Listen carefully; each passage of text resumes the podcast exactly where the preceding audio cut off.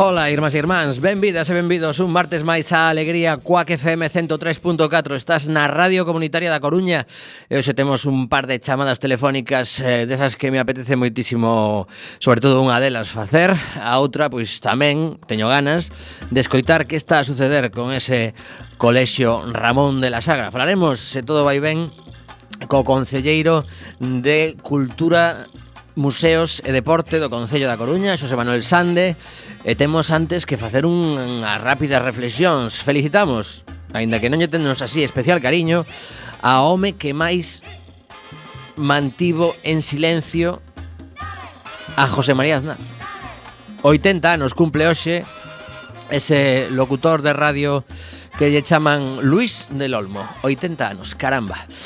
Tamén temos que dicir que mm, hoxe ás 8 da tarde por desgraza unha vez máis Hai concentración no obelisco para lembrar a esa muller asesinada eh, preto de O Carballiño.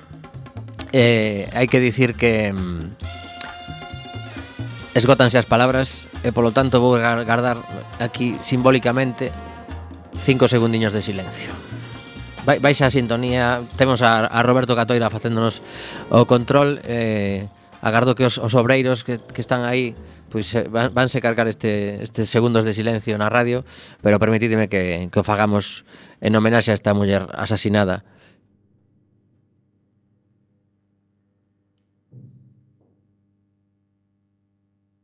E continuamos eh, despois desta esta breve pausa coa felicitación para unha muller que tivemos aí pouquiño tempo en Alegría. Bueno, pouquiño, así relativamente. O pasado ano 2016 trouxemos a Belén Tajes ao noso programa para falar dun proxecto para o que acadou unha beca da Deputación da Coruña e estivo a investigar alá por Irlanda sobre as, as raíces e os vínculos entre o galego e o gaélico e resulta que hoxe publicábase eh, que vai ser a nova cantante do Luar na Nubre acaba de quedarse Roberto Catoira cunha cara de que me estás contando?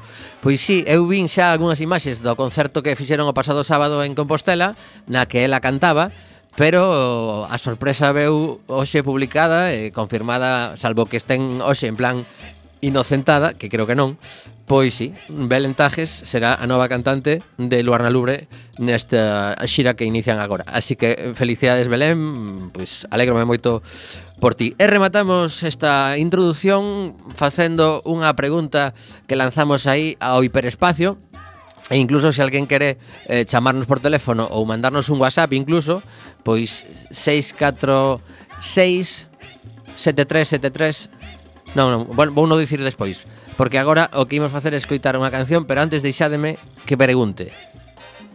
Cal foi o último xogo de mesa que triunfou ao bestia?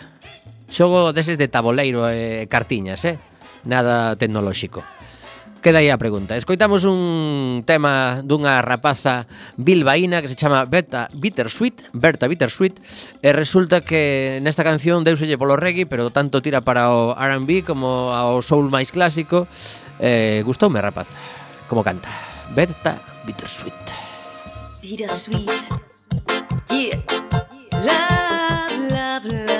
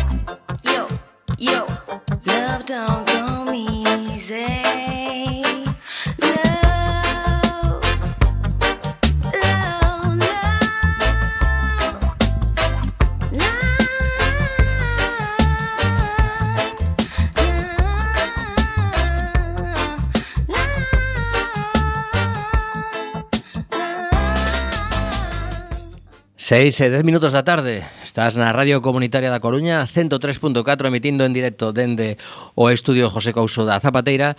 Eh, Temos no fío telefónico a Xosé Manuel Sande. Hola, boa tarde. Que tal? Hola Tomi, que tal? Boa tarde. Pois moi boas, ti con, con forza nesta semana? Sempre, sempre. Estupendo.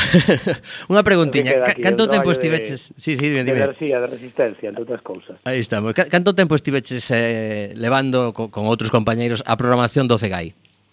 Pois estiven eu creo que nove anos aproximadamente. Ajá. E, e soñabas... E así como colaborador e demais, non? Tamén levando ciclos e coordinando así cousas, pero sí, uns nove anos aproximadamente. Vale, no, é, é incalculable o número de películas que terás visto. E a pregunta é, soñabas vendo esas pelis con pasar a ser un actor coprotagonista dunha negociación dos orzamentos da túa cidade? pois non non imaginaba, non? Se podía estar en moitas negociacións, pero ou en moitas reunións, non, na vida, pero efectivamente sí que eso sobrepasa non outras expectativas que un podía ter pero bueno, calquera caso que importa estas cousas non son supoño que de algún xeito os resultados finais e tamén os principios exhibidos non na historia e, e bueno, importante o importante como como invocábase a cidade uh -huh. eh, e como, como viviches esa experiencia de, de, de dentro?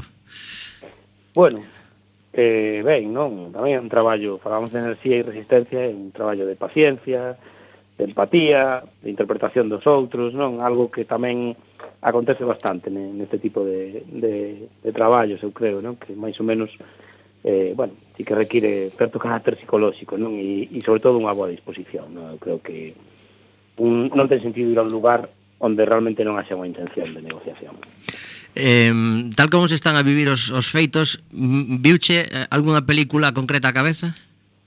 No, No, como suele acontecer, a realidade sobrepasa todo, non? E hora que eu aí sí que me desmarco, así como no día a día topas moitas veces, non? Referencias culturais, que poden ser de todo, libros, cancións, películas. Eh, aquí non, aquí non, directamente te imbúes nesa realidade, creo que tamén é bo esa realidade non sexa obsesiva en ningún caso, non? E saber un pouco tamén vela casi objetivamente, casi desde fora a, a última pregunta sobre o tema orzamento, sabes que non, non estou entrando demasiado en detalle porque como aínda está a cousa aí no aire, sabemos que o vindeiro sábado está convocado o pleno municipal no que se votaría esa moción de confianza, eh, como a película aínda pode dar algún xiro inesperado, pois a, a última pregunta que fago respecto disto, eh, dirías que eh, sacaches algunha aprendizaxe concreta a nivel persoal eh, eh, que podas compartir coa audiencia? Bueno, non tan distintas ás aprendizaxes anteriores deste ano e medio, non? Eu creo que hai aí unha balanza na que, bueno, hai moitos elementos cos que non gusta atoparse na vida, no fondo, non? O sea, me refiro a elementos eh, características, non? Ou situacións. Eh, Pero bueno, eu tamén trato de poñerme no lugar dos outros, non? E, e ver as perspectivas, pero sí que vexo que as veces son diferentes. Uh -huh. Pois pues, mira, xa que sacas o tema deste ano e medio, eh, supoño que tamén levarías moitas sorpresas positivas e negativas. Eh, como te estás sentindo ti eh, afrontando unha responsabilidade para que seguramente non pensabas eh, estar eh, non sei se si preparado, pero polo menos mentalizado? Ben, ben, eu valoro máis o positivo, non? O sea, eu creo que é unha cuestión tamén de, de ter certo bo humor, non? Para isto, por o que te decía antes, porque vai unido tamén a outras características, non? Como esa resistencia, esa paciencia, esa necesidade de verse no lugar dos outros, E tamén, eu creo que tamén, e esa nos abriga, non? Crear eh, estrategias que remitan a procesos máis, eu diría, máis xustos, máis igualitarios, máis equilibrados. Creo que esa é a, a clara que podemos apelar, non? Entón, bueno, en función diso, pero a política como, como a xestión desa realidade pois sí que ten que remitir pois, a sentidos organizativos distintos, a outras pautas, non? Nas que, bueno, calidades conten máis que as cantidades, que eso, a proxección dunha cidade e a súa versatilidade conte máis, pois que neste caso cultural, por exemplo, que a cultura espectáculo, é dicir, hai toda unha serie de cuestións que eu creo que son claves, non? E eu creo, e aí falo xa desde a dimensión claramente persoal, que eu tomei con tremenda ilusión e moi bo humor desde o inicio, non? E iso é favorable, a pesar de que no camiño un se atopa, pois evidentemente moitos atrancos, porque non decirlo, ruindades, e se atopa en situacións que nunca se teria imaginado. Pois mira, precisamente como a, a conversa estaba prevista que mm, directamente entrase no detalle dun proxecto que acabades de lanzar aí uns días nada máis dentro, dentro da vosa concellería que se chama Cultura de Barrio, pois imos eh, baixar a, a iso que estabas a comentar agora mesmo, que é poder eh, implementar políticas que, que ao final eh, lle cheguen ás persoas que están eh, pois vivindo nos barrios neste caso. Contanos un pouquiño cal é a a, a intención destas, destas eh, axudas a proxectos? Sí, bueno, principalmente o objetivo, objetivo claro e se corresponde con, eu creo que con outros moitos plans, non, da acción, bueno, neste caso da Consellería de Cultura, non, de Goberno, que é favorecer, creo que a creación, a exhibición, a difusión cultural e ademais do tecido asociativo, é dicir, eu partía dunha idea ao chegar, non, e que vin máis clara na práctica, que era a tutelaxe ou o dirixismo eh, anteriores, non, moi marcados, é dicir, a administración, o goberno como algo que determina a vida dos outros, non incluso no, no ámbito cultural, non? A propia Consellería programa e, digamos, o cidadán recibe esa, esa programación, non? Algo que, bueno, que, que pode ter, digamos, unha, unha parte, pero que eu creo que ten que vir compartido con, bueno, coa propia creación do tecido cidadán, non? Neste caso, remitimos sobre todo ao tecido asociativo, non? Unha cidade, pois, afortunadamente hai moitas asociacións non de carácter cultural constituídas legalmente ou como decimos na propia convocatoria de cultura de barrio tamén colectivos informais. E entón nos apelábamos eu creo que a esa idea non de enriquecer culturalmente e, e empezar a coprogramar esa cidade empezar a exercer esa, ese desexo de autonomía non de que neste caso unha partida económica, 100.000 euros, con cantidades, con un tope, un máximo por proxecto de 8.000 euros, pois foran gestionadas eh, tamén por outros, non? E que entendíamos que ese, esa idea de optimizar os recursos, non? E axudar a, a planificación de outros asentes, pois era unha maneira de contribuir, sin dúbida, a, a cultura libre e autónoma da cidade, non? Uh -huh. Para eso creamos un proceso de concorrencia, non? Que iría na liña que sinalaba antes, a idea de procesos xustos, igualitarios, equilibrados e que permitan certa orde e sentido organizativo e establecido sobre todo en base a criterios objetivos. Pero objetivos que máis van vinculados pois francamente a acción directa das entidades, a súa trayectoria, co cal tampouco é unha petición precisamente imposible, non, sino unha invocación ao que veñen facendo. Uh -huh. E logo varias cuestións máis que cre... que entendíamos que que para nós era importante, non, a descentralización, esa idea de que o mapa da cidade podendo ser un, un algo moi rico e establecido moitas direccións, debe, debe sair, digamos, duns lugares eh, fixos non e, e extenderse.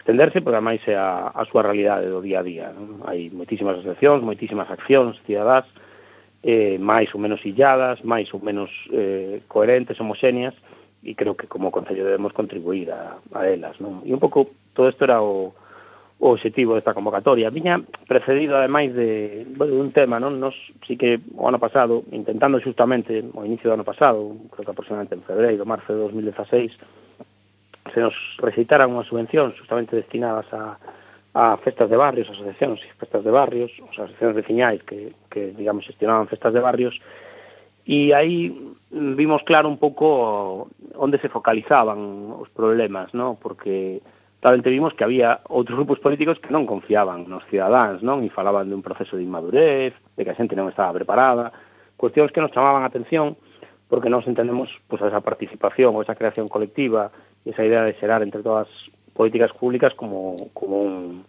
algo que é facilmente asimilable non? na situación actual. E eu creo que, bueno, de momento parece que a, a recepción nese sentido é interesante ou desde logo estimulante elevades eh, máis ou menos un, un control de cantas asociacións aparecen neste Registro Municipal de Asociacións eh, que pertencen ao ámbito da cultura, aproximadamente? Sí, pero non recordo agora a cifra, vamos, eu, eu vin, vin a cifra, pero he de decir tamén que cando me puxen a lembrar eh, as asociacións que non estaban, pensei que efectivamente tiña todo o sentido tamén eh, eh, que eses colectivos de carácter informal tamén estiveran, non? Porque eran moitas veces justamente polo seu carácter informal eh, podían ser máis desordenados, pero tamén eran colectivos dinámicos e con iniciativa, non? E que moitos deles xa tiñan, bueno, a súa, a súa trayectoria en diversos ámbitos. Entón sí que nos parecía que, bueno, que había eh, asociacións, como digo, ademais moi variadas, non? Que creo que tamén indica a riqueza dunha cidade. Eu sí que creo que hubo cribas políticas, non? Logo da etapa da transición, e non falo xa só da cidade, sino globalmente, nos anos 80, certo sentido de normalización política, non? E nas políticas culturais isto é equivalente, pois arrampla ou tira por baixo parte do tecido asociativo cidadán, que a partir de entón, en moitos casos, pasa a ser máis dependente e, por tanto, con menos iniciativa, e eu creo que é necesario non incentivar iso. Sí. Neste caso, nesta cidade, pois hai bastantes exemplos, non? Creo que, bueno, a vosa, a vosa experiencia, non? Como radio comunitaria, un bo exemplo, non? E ademais sostido no tempo, e creo que hai outros moitos casos, non? Entón, bueno, sí que nos parecía eh, casi como un, unha homenaxe necesaria, pero non como homenaxe, porque as homenaxes non deixan de ser actos illados, sino como un camiño e unha convocatoria eh, que deberá ter continuidade. Uh -huh. eh, supoño que sodes conscientes de que o prazo que vos dichedes para resolver é exixente, 15 días. Sí, bueno, hai que dicir, sí, sí. para a xente que nos está a escoitar, que ten moi doado a topar este, este proxecto Cultura de Barrio en Google, Coruña, e aparece a primeira, e a partir de aí, pois que o prazo para facer solicitude remata o 14 de febreiro, que será a típica data que lembren porque os eh, centros comerciais eh, similares nos bombardeen co Día dos Namorados, e a partir de aí, pois iso, en, en dúas semanas mm, asumir toda esa información, claro, non se sabe canta pode chegar, porque isto é como cando nos convocamos o noso concurso de bandas musicais que hai veces que te chegan 90 e outras te chegan 130 eh, a, tra a traballar, non? Efectivamente, van entrando aí por registro, non? Proxectos, eu non sei agora mesmo cando entrou, non? Pensemos que a convocatoria iniciouse o 17 de xaneiro e, e bueno, si sí é, é fermoso, non? Ver que chegan proxectos eh, moitos de asociacións, colectivos que xa máis pasaron pola Consellería, non? O cal tamén nos leva a pensar cales eran os métodos anteriores, non? Para seleccionar proxectos, moitas veces, e si, eh, pois, nesa necesidade, como decías, de avaliar, pois en dúas semanas, eh, cinco representantes do Tecido Asociativo Cultural e institucións culturais da cidade decidirán sobre ese, esperemos que abultado, número de proxectos pero que tamén vai ter esa parte ingrata de, de ter que seleccionar, claro. claro. Uh -huh. De ter que seleccionar e tamén, pues, seguramente, eh, tratar de, de primar, non? máis aló dos criterios objetivos, pois, bueno, a, a variedade, a originalidade, certa innovación, a calidade das memorias... Creo que tamén son traballos que quedan para outras ocasións, non? E que, bueno, nos o dixemos nas xuntanzas previas, a roda de prensa e, digamos, todos os lugares nos que se falou do, do proxecto, que evidentemente esos proxectos poden presentarse por outras vías e, e bueno, en algún momento se pode evidentemente determinar que esos proxectos poden ter interés e demais, pero bueno, eu creo que a concorrencia eh, competitiva, no sentido que pode ter a palabra competitiva, ¿no? de que se fagamos un esforzo de traballo todos, eh, pode ser eh, estimulante e, e beneficiosa para o tecido asociativo cultural da cidade.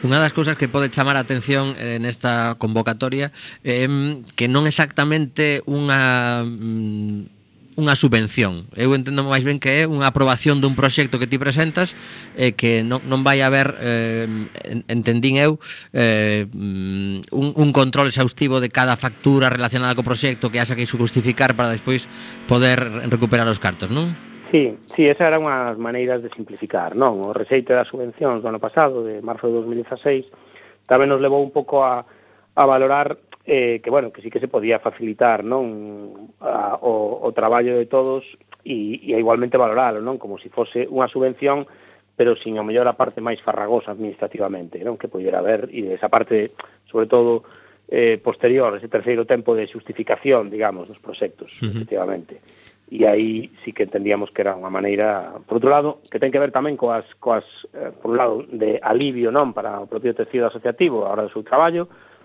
e da súa justificación, sobre todo administrativa e económica, e por outro lado, tamén unha maneira eh, de, de traballar coas, coas dificultades e as limitacións que temos desde a administración, non pola, bueno, pola escasez de persoal, non como sabedes, a lei de estabilidade orzamentaria, entre outras cousas, impide non a, a contratación de persoal, E, bueno, a xente se vai xubilando e hai baixas e, e estamos, bueno, un pouco tamén nunha situación eh, impulsada, non, desde a crise de bastante precariedade, dentro de cabe, non, non deixa ser un concello grande, Coruña, con bastantes traballadores, pero que dificulta, evidentemente, un proceso destas características, máxime se si fora eh, por medio dunha subvención. Uh -huh.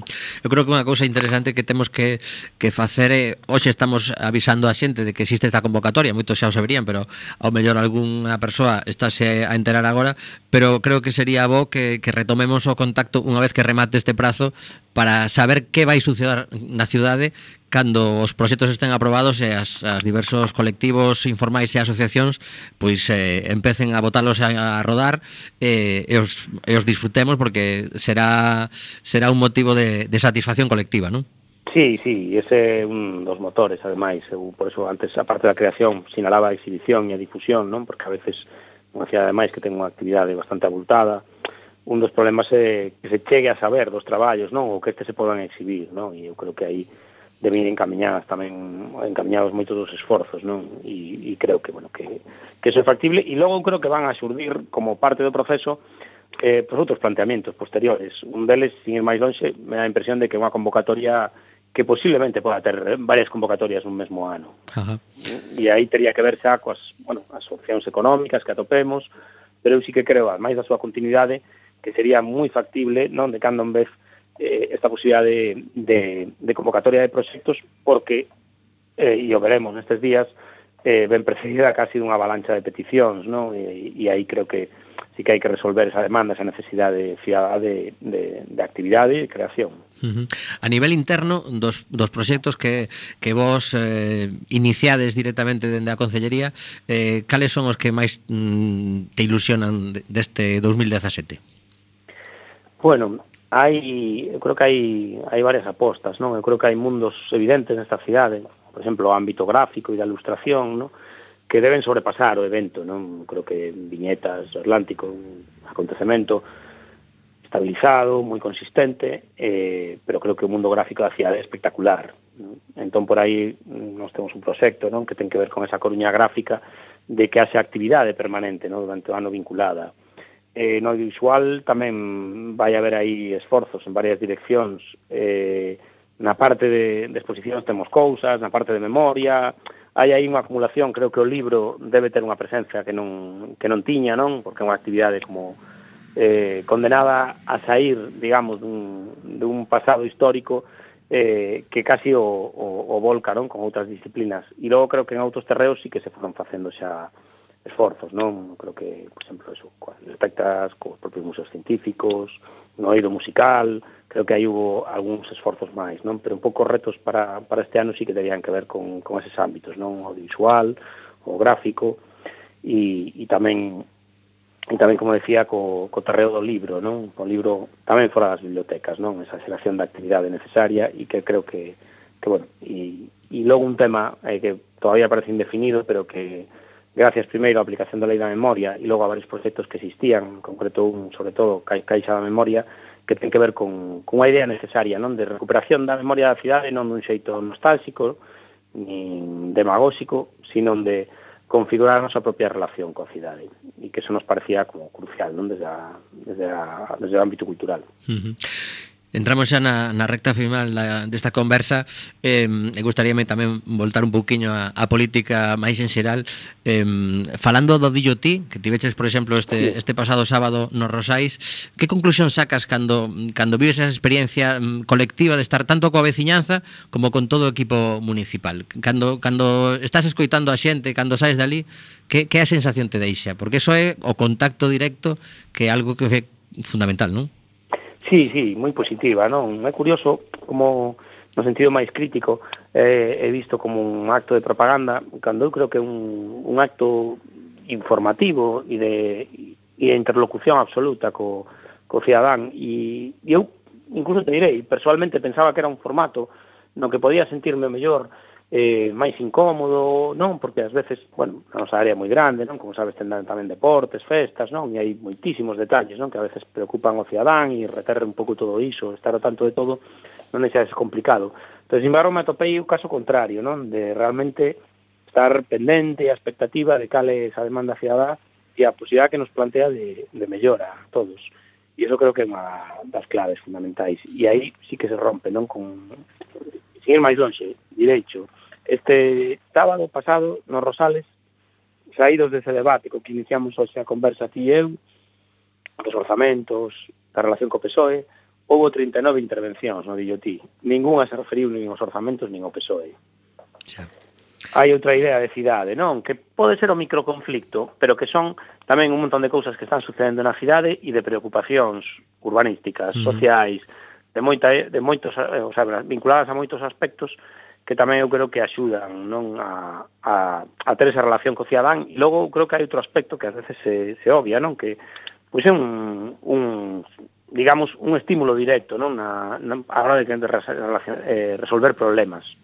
Existe o 010, existe as suxerencias e reclamacións non existen as entradas por registro de peticións e aquí unha maneira directa non. E eu por lo menos percibo que, que o cidadán si, si agradece esa oportunidade de, de participación directa, que vamos, a mí por outro lado me parece como unha obviedade, ¿no? O sea, me, me sorprende cando se, se revolve, ¿no? Eh, e se ven todas estas cuestións como como propaganda porque me indica que non hai intención por parte de outros eh, de provocar esa participación. O que sí que pode ser curioso é eh, a media idade, non? Que asiste a este tipo de, de eventos. Sí. Eu polo menos estive nun nada máis, pero sí que é certo que o mellor hai, hai xente que considera que como xa ten as redes sociais como máis asociadas eh, directamente ao seu día a día, pois eh, busca outros sistemas de, de relacionarse, pois en este caso co goberno municipal. Sí, sí, Sí, efectivamente, esa, esa, eso está presente, non? E sí que hai unha maioría, non, de xente maior que, que pues, efectivamente non ten tan facilmente outros, outras fórmulas de, de acceso ao goberno municipal, ou que incluso non está tan moitas veces tan organizada, non? Non pertence a colectivos veciñais, culturais, non? Esa presenza máis activa da cidade que incluso pues, está constantemente no día a día, non, do das diversas institucións do concello, non, vinculadas ao concello, pero eu creo que esa tamén é a grandeza, non? A participación supón acentuar, digamos, todas as, as metodoloxías e as fórmulas posibles para chegarse a, a todo tipo de cidadáns, claro. Uh -huh. Última pregunta. Esta é así como de nota, pero en plan simpático.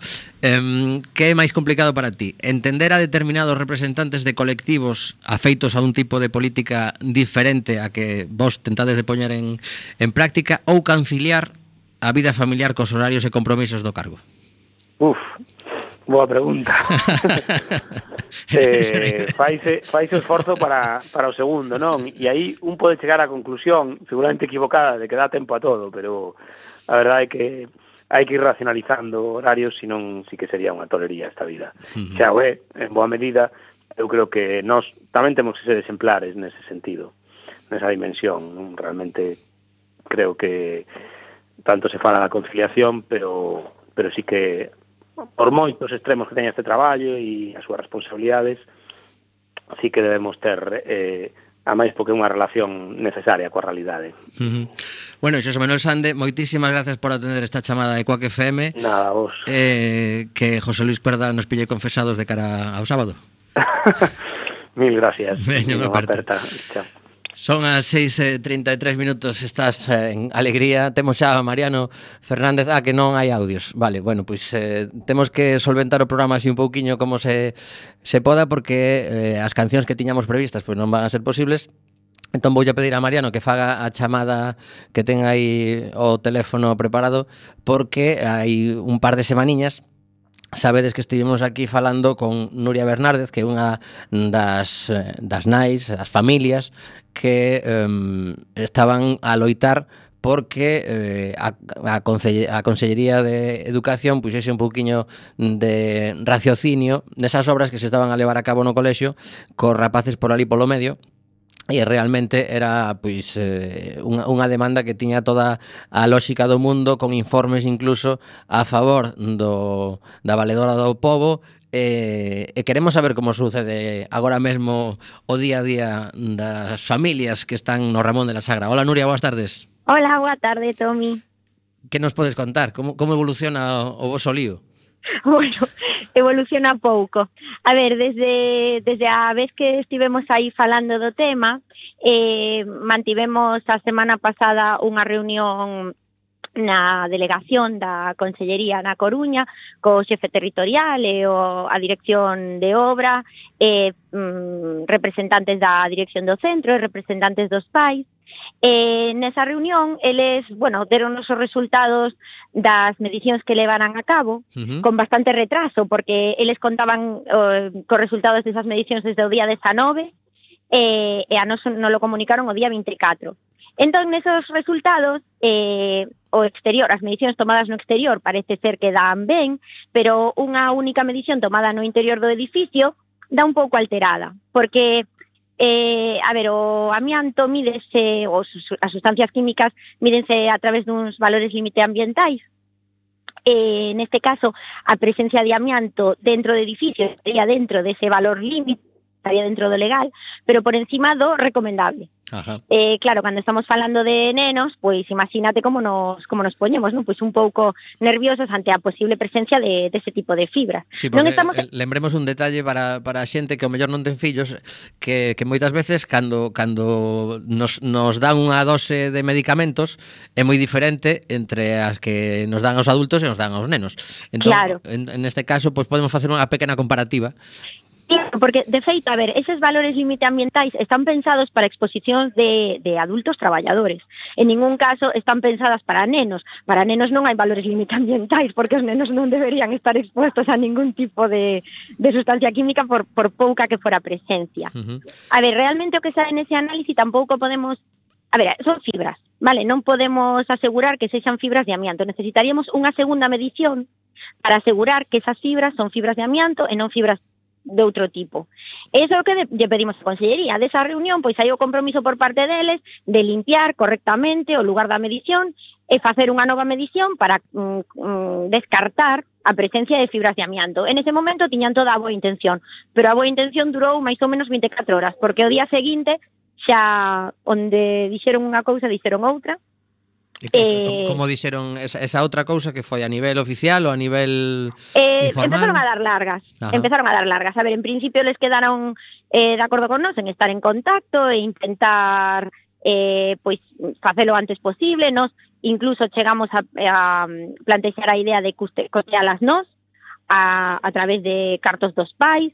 eh, eh, se nos deixaban entrar a medir, eles dixeron que non, que non sería necesario, que eles o farían, o farían do xeito que nos quixéramos, incluso coa empresa que nos decidíramos para que fora unha empresa independente, se si tiñamos unha empresa de man, pois que podíamos facer así, todo foron boas palabras, quedamos super contentos da reunión, o día seguinte xa non había ningunha desas intencións. E tanto que a día de hoxe, a última noticia que temos é de, desta mañá, e o que decían era que estaban en estudio para facer as medicións. Uh -huh. E mentras eles o teñen en estudio, o 50% dos nenos levan casi tres semanas fora do, do colexio. Sí, sí, e, a, e a preguntar precisamente iso, como vai o, o tema das, eh, da asistencia ás clases, eh, xa me contas que eh, chegou un momento, un pico de 80% de... Sí, 80-90, sí.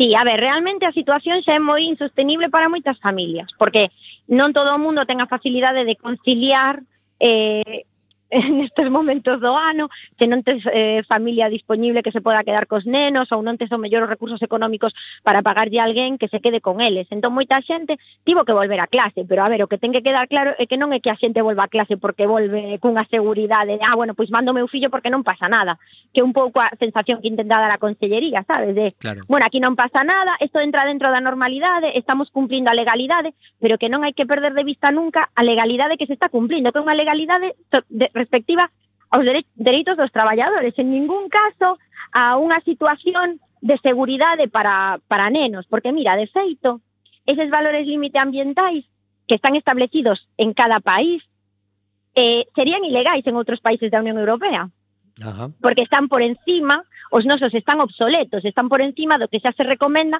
noutros países. Ah, entón, pues sí, sí que imagínate, ben. claro, se realmente se chega a confirmar que iso é amianto, eh, estaríamos nos valores que para nenos en ningún caso serían recomendables. Uh eh, -huh. Eh, polo que contas, a verdade que moi, moi a, o de sempre, non? Un, unhas palabras cando te ten diante para, para que caledes de alguna forma, pero cando saes de ali, porque realmente mm, unha, unha das cousas que sois mm, suceder neste tipo de negociacións é que confías de alguna forma en, na seriedade da outra parte, pero realmente non saíche desde ali con un, ningún documento asinado, verdade?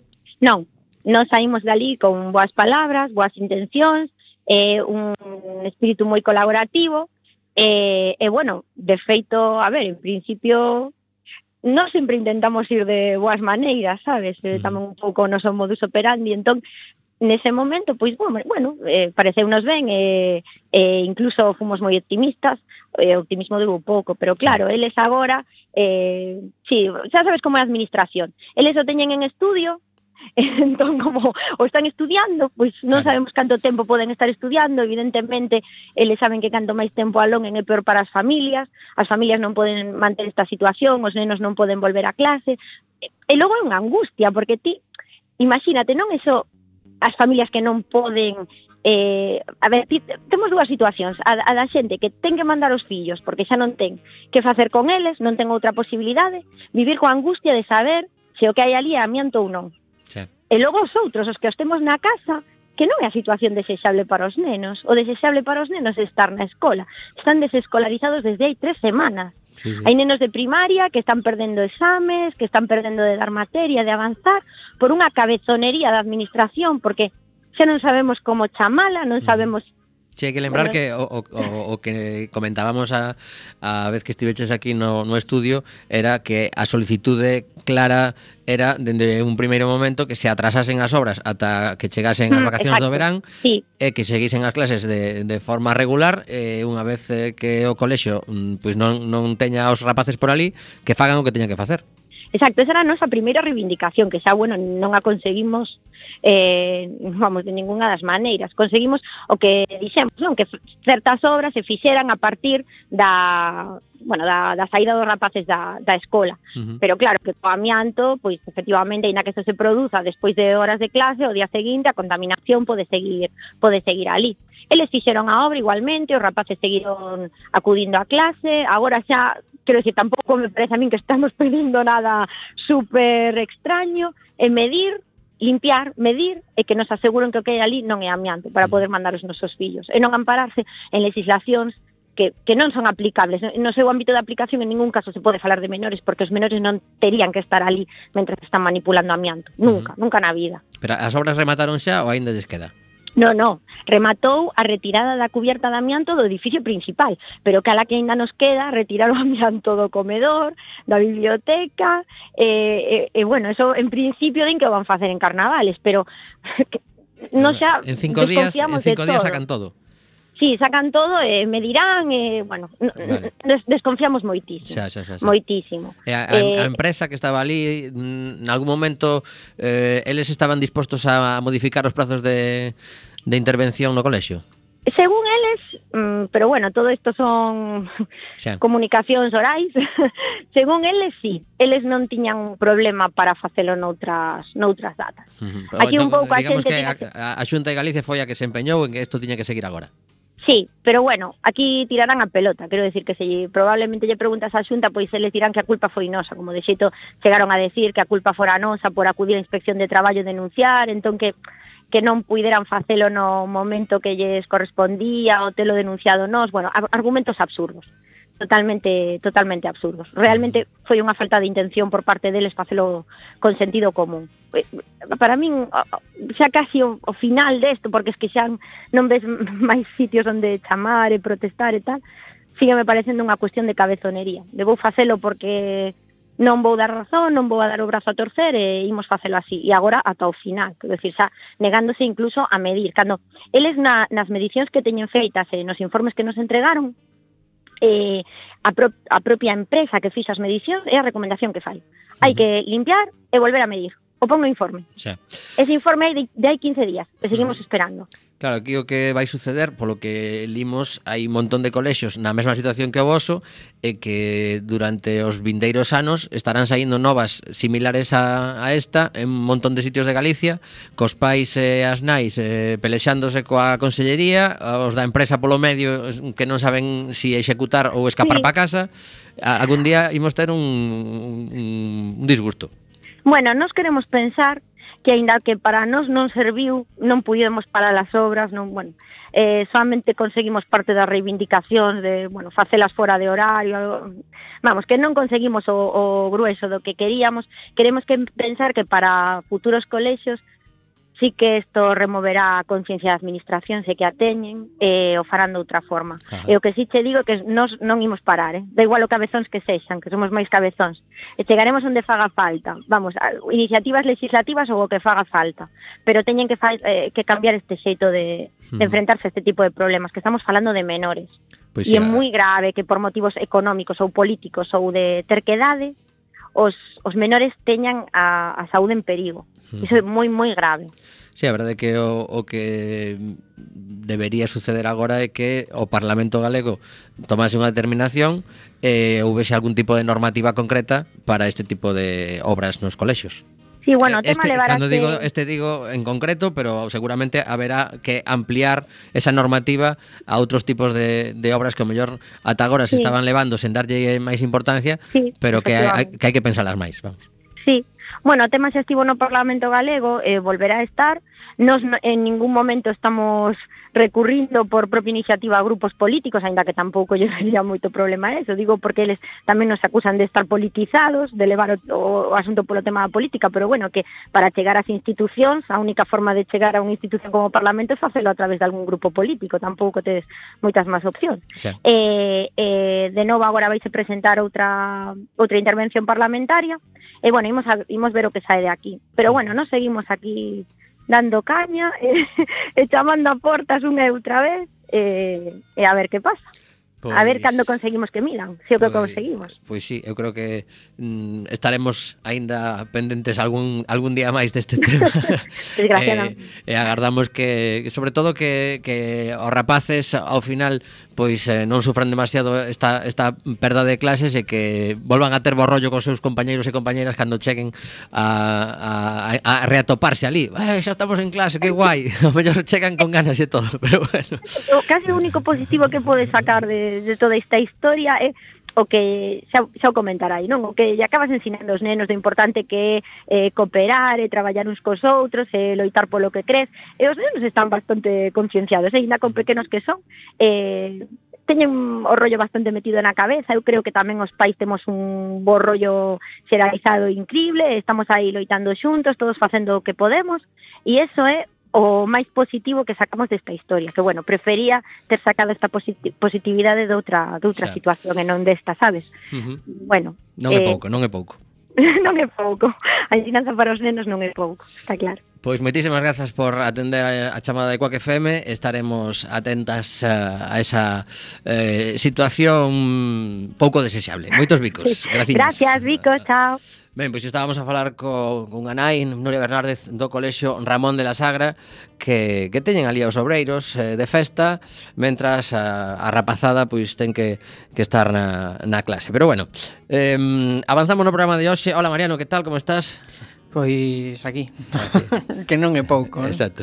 Bueno, hai que, hai que dicirlle a Mariano que felicidades unha vez máis Porque vai cumprindo anos, pero sí que en que FM eso é cuestión de saúde mental. Sí, sí. E Física tamén, pero mental Desta é importante. desta, Sí, últimamente máis que, máis que nunca. E mandamos a Vico tamén a, a Bea que tamén cumpriu anos. Sí. um, 45 en total, eh, que eso veñen sendo o 23 de radio. Caramba. Ou 24 eh, de radio. No, no 22, 20, 22, de, 22 de radio. 22 sí. de radio, sí, sí. Estamos aí xa para ah, eh, 50-50. Sí, sí, pois pues a verdade é que eh, algún día chegaremos. Ben, um, avanzamos rapidísimamente. Toquemos madera, que se non chegamos a alternativa. No, no, digo, digo a, claro, claro, a duplicar aí. Bueno, pois Paloma Chamorro falecía Antonte, era a, a presentadora pois que chamaba moito a atención da, da rapazada que tiñamos poucos anos a, la, eh, a principios dos 80. Nos éramos eh, nenos. Sí, sí, claro, claro. No pero ese, pel, ese hacíamos pelazo. Hacíamos zapping por eh? ali, hacíamos zapping, aparecían uns tipos frikis. Ese pelazo, esos grupos molóns. Eh, valle dando play, porque ela fai unha, unha introducción aí. Voy dando play. Sí, sí. Eh, eh fala. Hola, buenas noches. Ahí está, está está. Siniestro total, loquillo y los trogloditas con un montón de amigos más. Baixa, baixa porque é espectacular a presentación que fai de Siniestro total, que empezan a tocar directamente cunha desas cancións de letras de Miguel Costas que eh, non se lle ocurren a ninguén máis que a él. Imos escoitala. Vamos a empezar con Siniestro Total, un grupo de Vigo que con un solo LP titulado Cuando se come aquí se ha devorado el mercado independiente español de un solo bocado. 10.000 ejemplares vendidos en un tiempo récord y en un mercado tan enano como el nuestro es toda una hazaña y estos son los héroes. Siniestro Total.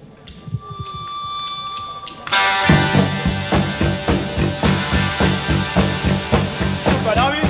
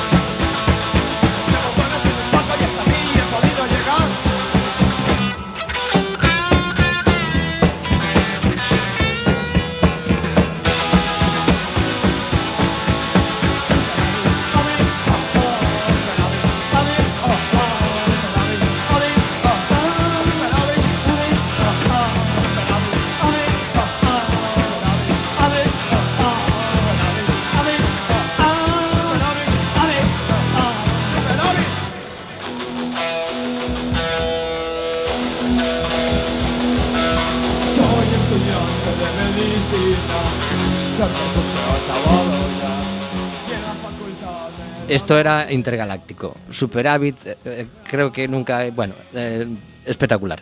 Eh, la Edad de Oro, moitísimos artistas coñecidos pasaron por, por ese programa que durou exactamente 55 episodios estiven informando un pouquiño eh, sobre todo unha polémica aí con un Cristo boca abaixo eh, bueno, hai que dicir que siniestro total neste, neste vídeo o batería saía cun casco e unha vela encendida en riba tocando a batería eh, arriscando, dice, a ver, a ver se aguanta toda a canción coa, coa vela encendida.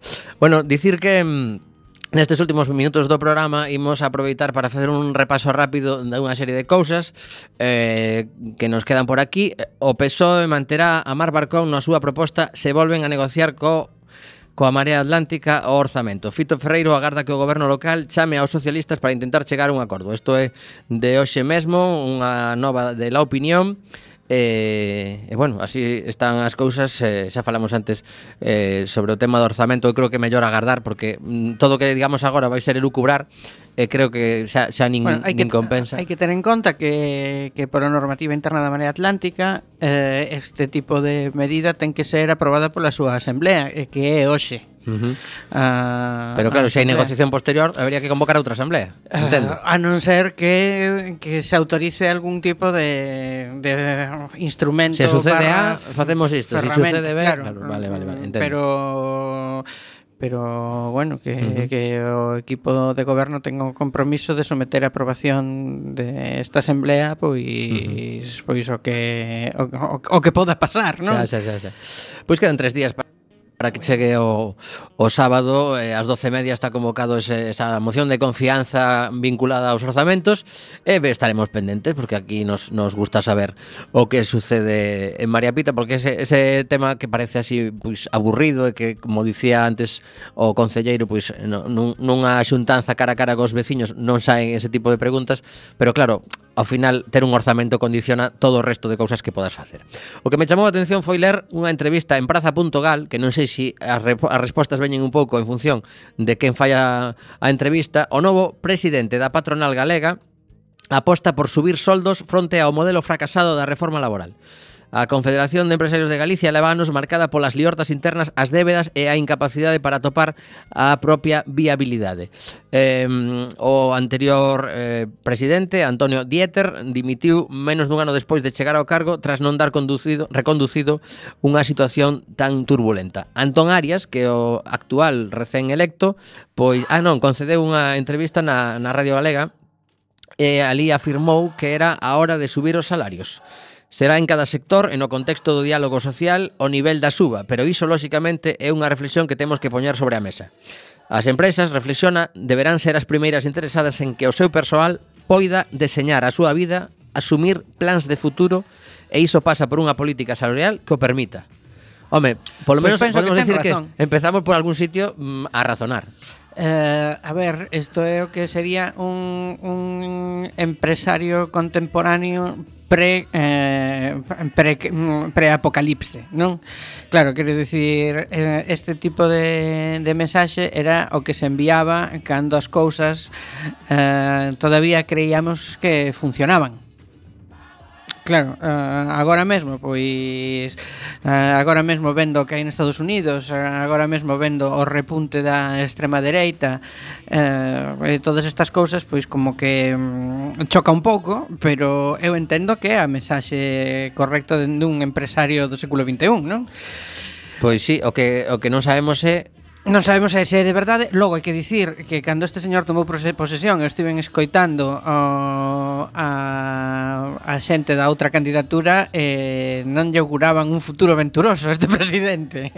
Claro, eu ia dicir, este é o presidente que di isto, pero non sabemos que consenso hai dentro da Confederación de Empresarios para cumplir o que propón o presidente. Porque o mellor os outros están dicindo, este está tolo. E que ademais tampouco é a única a única asociación empresarial eh, existente. Hai outra por aquí por Coruña que, que últimamente sae moito en, en medios, presidida por Alfonso Salazar. No, no, que, pero esta é a nivel galego. Xa, xa, está a nivel ah, galego, xa, pero é a, nivel outro nivel provincial. Sí, pero de, en teoría de emprendedores. Sí. Estos son todo tipo de empresarios que queiran sumarse á Confederación. Sí, pero quero dicir, claro, igual que a Confederación de Empresarios sempre foi o interlocutor uh, habitual, tamén hai que dicir que eh, no Estado español, bueno, non hai moito tempo, pero temos problema con ese tipo de representación. Pois sí. Porque igual non é tan representativa como se pensa, non? Claro, pero bueno. Claro. Porque cando fala Héctor Cañete, preguntadevos, a cantos hosteleiros coruñeses representa? E ata aquí o programa de hoxe. Mandamoslle tamén un bico a Isa que, que ten un, un día complicadillo e eh, agardamos que disfrutedes moito de recendo. Quedadevos en Coac FM 103.4 ata a vindeira semana.